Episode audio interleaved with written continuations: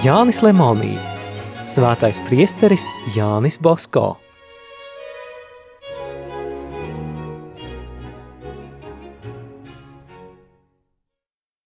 Tūkstoš 869. gada sākumā priesteris Bosko savās audzināšanas iestādēs ieviesa jaunu, ļoti veselīgu un derīgu ieradumu.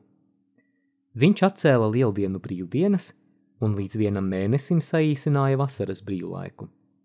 Skaidrs, ka tas bija ļoti nelabvēlīgi attiecībā uz kongregācijas finansēm un skolotāju veselību, bet priesteri Bosko dvēseļu labuma dēļ nespēja kavēt nekādas nērtības. Tādējādi dvēseļu labums tika veicināts. Cik bieži brīvdienās nenobriedušie zēni pazaudēja visā mācību gadā gūto audzināšanu. Gada beigās viņš atvēra vēl vienu jaunu iestādi, kuru vadīja un prāvesta pienākumus ilgus gadus pildīja priesteris doktors Jānis Frančezie. Tajā pašā gadā pie jaunās Valdoko baznīcas priesteris Bosko nodibināja Marijas kristīgo palīdzības godinātāju brālību, ko pēc dažiem gadiem Pīs 9. iecēla arhibrālību kārtā. Bosko kā labs dēls nevarēja būt nepateicīgs debesu mātei par visām tām žēlastībām un brīnumiem, kurus viņš bija izdarījis un ko Marija caur viņu darīja neskaitāmas reizes, kamēr vien viņš dzīvoja. 1869. gada 29. maijā Jānis Basko ar oratorijas kori un orķestri aizbrauca uz Lanco, lai svinīgi svētītu vissvētā sakramenta un svētā Filipa Nerijas svētkus. Turienes salesiāņu kongregācijas slimnīcā ar bakām slimi gulēja septiņi audzēkņi. Tie uzzinājuši, ka atbraucis priesteris Bosko, lūdzu savu direktoru, lai tas attaicinātu priesteri viņus svētīt. Ja ieradīsies priesteris Bosko, viņa teica, tad arī mēs kopā ar citiem varēsim piedalīties procesijā. Priesteris Bosko zēnus svētīja. Seši tūliņi varēja iet pagalmā rotaļāties – Tikai viens vēl slimoja - Giovanni Baravalle. Viņš neticēja, ka tiks izdziedināts. Kad atnāca ārsts man jetī, tas sāka kliegt, vai viņi esot jukuši, ka ļauj zēniem celties un iet pagalmā. Ne tikai paši slimošot no jauna, bet arī citus aplipināšot. Bet viņa palīdzība un uzraudzība šoreiz bija nepieciešama tikai slimnīcā palikušajam baravellem. Citi pēc priestera Bosko svētības ātri izveseļojās. Jāatzīmē, ka priesteris Bosko rūpējās arī par Šveices katoļiem. Tur pieauga sociālistu radikāļu ietekme. Tie nekā nebaidīdamies sāka nemitīgi vajāt Tičīno kantona priesterus un bīskapus. Dažiem citiem dedzīgiem katoļiem palīdzot Jānis Bosko noskaidroja, kuros apvidos sevišķi nepieciešama garīgā palīdzība. No 1868. līdz 1870. gadam viņš uz turieni sūtīja savus drošsirdīgākos priesterus. Arī vēlāk viņš nepārtrauca rūpēties par šī kantona katoļiem. 1869. gada 7. oktobrī bīskaps Lavigērio pie priestera Bosko atsūtīja divus Alžīrijas afrikāņu bērnus – Dženovā abus iesēdināja vilcienā un vieniem pašiem ļāva braukt uz Turīnu. Itāliski abi neprata ne vārda. Baltos mētelīšos un sarkanās cepurītēs apģērbti, abi ieradās oratorijā, kad priesteris Bosko ēda pusdienas. Jānis Bosko abus tevišķīgi pieņēma, uzrunāja franciski un sāka mācīt katehismu. Ziemassvētko šos bērnus nokristīja – 1870. gadā priestere Bosko aprūpēji uzticēja vēl četrus alžīriešus un divus arābus no Jeruzalemes. Dažādu novadu misionāri vienmēr iegriezās apciemot Jāni Bosko.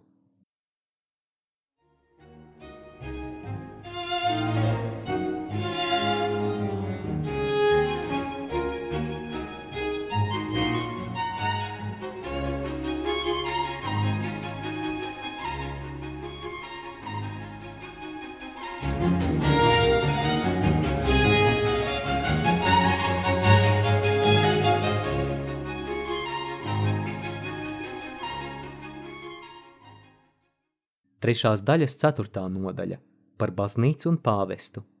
no 1870. līdz 1871. gadam.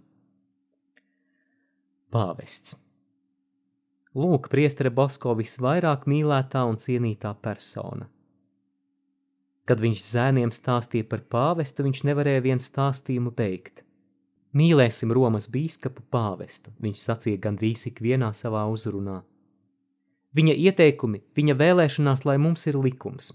Bērni, ziniet, ka tie, kas ar vārdiem vai rakstiski aizskar pāvestu, ir jūsu dvēseles, jūsu ticības ienaidnieki.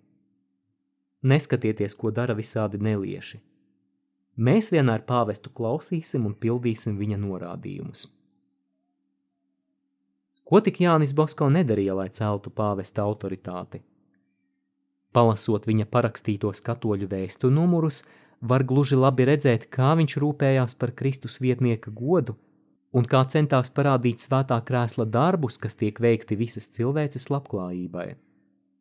Tajā gadā bija piedevītā priesterības zelta jubileja, un baznīcas vispārējās sapulces sasaukšana radīja izdevību Jānim Bosko vēlreiz katoļu baznīcu un pāvestu pagodināt ar saviem rakstiem.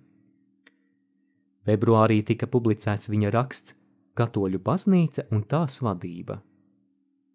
Autors gribēja sniegt skaidru izpratni par katoļu baznīcu un tās pārvaldi – tāpat arī paskaidrot baznīcas attiecības ar pasauli un tās valstu vadībām. 11. aprīlī Pīs 9. svinēja savas priesterības 50. gada dienu. Gandrīz visi Eiropas valstu vadītāji bija viņam atsūtījuši apsveikumus. Ticīgie priecājās visvairāk. Pāri visai pasaulē aizskanēja mīlestības himnas atbalsis – Priesteris Bosko vēlējās, lai arī viņa dēli svinīgi atzīmētu Kristus vietnieka jubileju. Viņš pats sagatavoja svētajam tēvam dāvanu – skaistu albumu ar virsrakstu latīņu valodā. Albumā parakstījās 32 salesiāņu priesteri, 73 semināristi un 3030 audzēkņi. Pīs 9. pateicās Jānim Bosko ar pašrocīgi rakstītu vēstuli –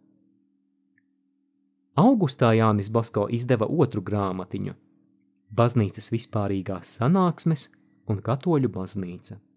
Sarunu veidā te priesteris Basko skaidroja vispārējās sanāksmes, īsi pieminot 90 notikušajos sajietos padarīto un parādīt, kādam mērķim sasaukts pēdējais Vatikāna koncils. Cik ļoti priesteris Basko mīlēja pāvestu, to parāda viņa braucieni uz Romu.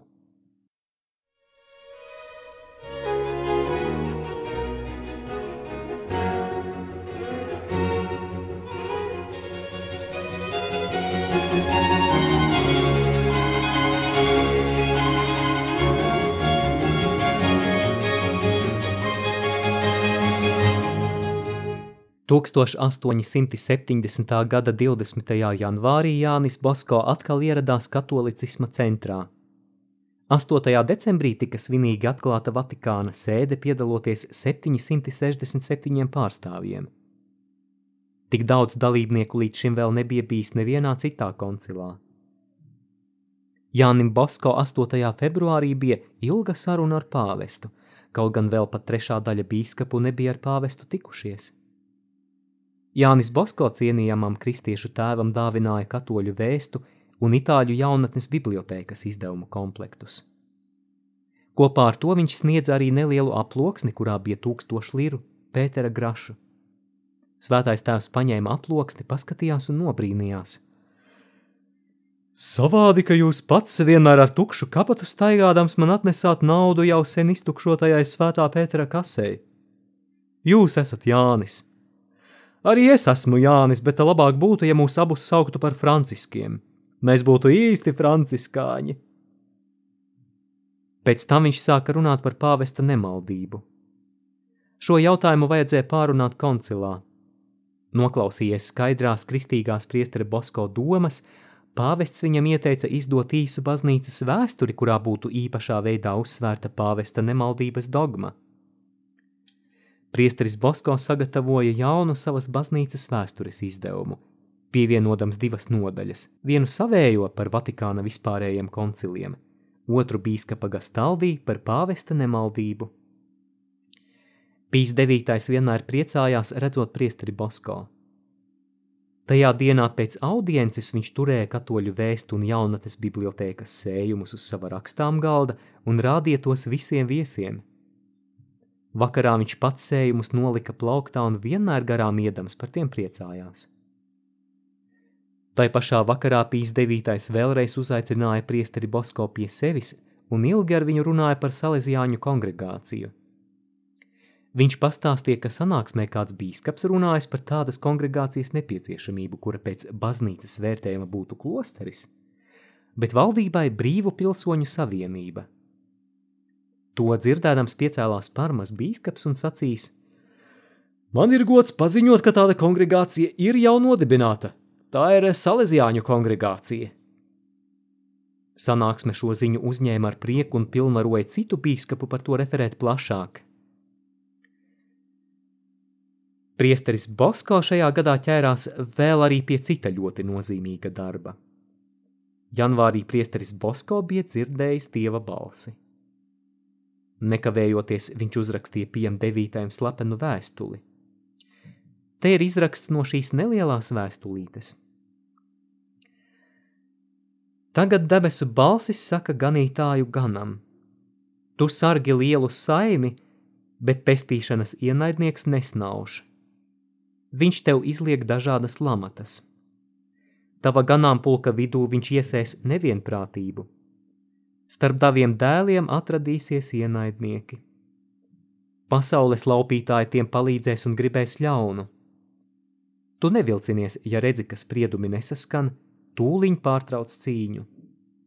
Ja tevi apspiedīs, neapstājies, bet strādā un cīnies, kamēr nocirtīsi maldu pūķim galvu Šis cirtiens satricinās debesis un elli, bet pasaulē būs miera apliecinājums, un visi labie līksmos. Ja ar tevi paliktu tikai divi saimes locekļi, ņem tos abus un neej droši uz priekšu, tu pabeigsi nolemto darbu. Dienas izgaist ātri. Tavi gadi tuvojas nosacītajam skaitlim – Tomēr lielā karaliene vienmēr būs tava palīdzība, kā pagātnē, tā arī nākotnē. Viņa būs magnum et singulāre in ecclesia prezidium, lielā un sevišķā baznīcas aizstāve. Tā vien liekas, ka ar šiem vārdiem Jānis Basko gribēja pārliecināt pāvestu, ka dieva nolemtais brīdis dogmas par pāvesta nemaldību pasludināšanai ir pienācis. Citādi liekas šos vārdus nevar izskaidrot. Jānis Basko pats vienmēr ir ticējis pāvesta nemaldībai un to mācījis. Cik viens spēdams viņš centās gaidāmo notikumu pātrināt. Liela daļa bīskapu domāja citādi. Viņi domāja, ka pāvesta nemaldības dogmas pasludināšana šajā laikā nesot vēlama. Šo bīskapu vidū daži bija tie paši, kas pirms gada bija pret Salesiāņu kongregācijas apstiprināšanu – Tādēļ šoreiz Pīs 9. pasaules priesteri Bosko teica: Jums pērn bija asi pretinieki, un tos visus jūs uzvarējāt. Abrīnoju un cienu jūs, jo tie paši, kas pretojās jums, tagad pretojas pāvesta balsī. Bravo, Don Bosko!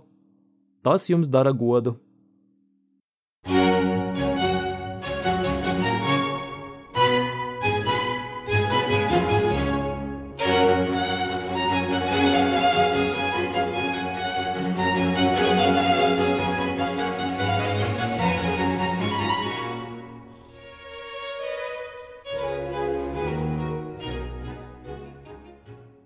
Romā dzīvodams priesteris Bosko sāka ierasties uz dažādu komisiju sēdēm. Cīnījās ar pārliecinošiem argumentiem, pierādīdams patiesību par pāvesta nemaldību. Pat bīskaps Gastaldī, kas jau bija sagatavojis veselu disertāciju, lai pierādītu, ka nemaldības jautājuma izspriešana ir nevēlama, noklausījies priestera Bosko runu, viņam teica: No šīs dienas gatavošu savu disertāciju jūsu izvēlētajā virzienā. Tiešām, jāpūlas realizēt pāvesta nemaldības dogmu. Es iesaku jums, ekscelence, sagatavot šo jautājumu, uzrunājot sapulci. Apliecinu, ka ar to jūs darīsiet lielu prieku svētajam tēvam un saņemsiet atzinību no visas baznīcas. Bīskaps Gastaldī tā arī darīja, kā viņa bija ieteicis Jānis Bosko.